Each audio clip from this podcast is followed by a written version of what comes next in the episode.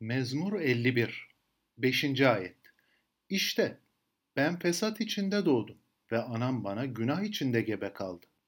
Eğer bir adam ben günah içinde şekillendim ya da ben günahın içinden doğdum diyorsa geriye tek bir umut kalır. O da Tanrı'dır.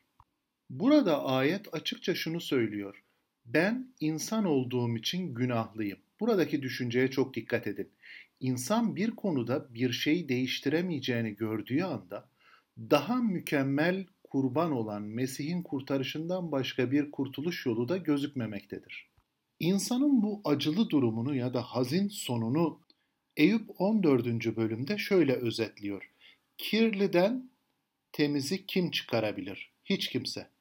Bu ayette açıkça insandan kutsallık, doğruluk, paklık gibi bir şeyin doğası gereği Adem'den gelen doğasından dolayı mümkün olmadığını, bu durumda da kutsal Tanrı'nın karşısında insanın kirli kalmaya hep devam edeceğini göstermektedir. Romalılar 7. bölümde de insanın bu durumu şu sözlerde ifade edilir. İçimde yani benliğimde iyi bir şey bulunmadığını biliyorum. İçimde iyiyi yapmaya istek var ama güç yok. Ayetin insan için ne söylediğine bakın. İçimde diyor iyi yapmaya istek var. Yani iyi şeyleri biliyor. Ancak bu iyi şeyleri gerçekleştirecek gücün insanda mümkün olmadığını söylüyor. Öyleyse mezmurcunun içinde bulunduğu duruma dönersek, günah işlemiş bir insana sevgi ve merhamet bulmak için Tanrı'ya dönmekten başka bir yol gözükmüyor. Bu mezmur boyunca günah işlediğini, çok günah işlediğini, suçlu olduğunu kabul eden ifadeler görüyoruz. Birinci ayette isyanlarımı sil diyor. İkinci ayette fesadımdan beni yıka, suçumdan beni temizle diye yalvarıyor. Üçüncü ayette isyanlarımı biliyorum, suçum önümdedir diye itiraf ediyor. Ve dördüncü ayette sana karşı diyor, yalnızca Tanrı'ya karşı kötü olanı yaptım diye kabul etmektedir. Ancak mezmur yazarının burada kendi bireysel suçlarıyla uğraşırken bilinen ve görünen suçları, günahları hakkında evet suçluyum, kabul ediyorum demesine rağmen daha öte bir gerçeğe bakmaktadır.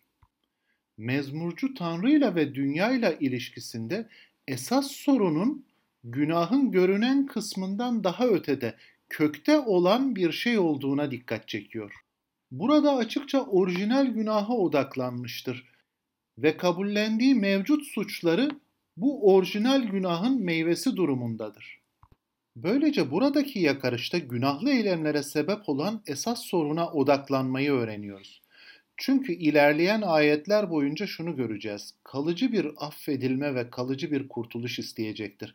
Bunun için benliğinde yani iç varlığında iyi bir şey olmadığını bilen bir düşünceyle hareket etmesi gerekiyor.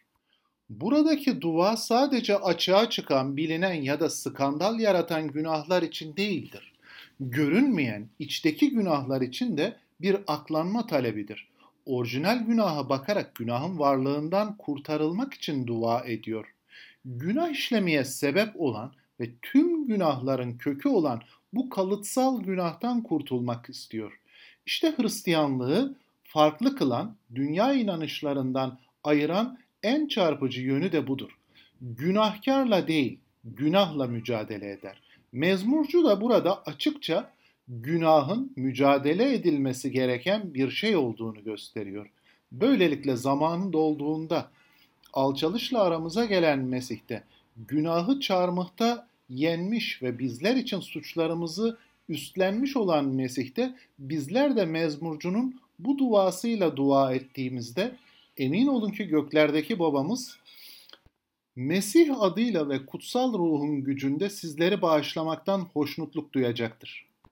Öyleyse mezmurcunun yaptığı gibi suçlarımızı, isyanlarımızı, günahlarımızı Rabbin önüne getirirken esas kalıcı olan, kökte olan daha büyük bir sorunu da Mesih'in çarmıhına germeyi dileyerekten mezmurcunun bu sözleriyle dua edelim. Günah içinde şekil buldum, lütfet bana sevgin uğruna. Ve ben fesat içinde doğdum. Sil isyanlarımı, merhametin uğruna. Anam bana günah içinde gebe kaldı. Benliğin ve aklın tutkularına köle oldum. Ve sana karşı suç işledim. Umudum çok olan merhametindir. Ve senin gözlerinde kötü olanı yaptım. Şifam bol olan sevgindir. Sen kutsalsın, bana merhamet eyle.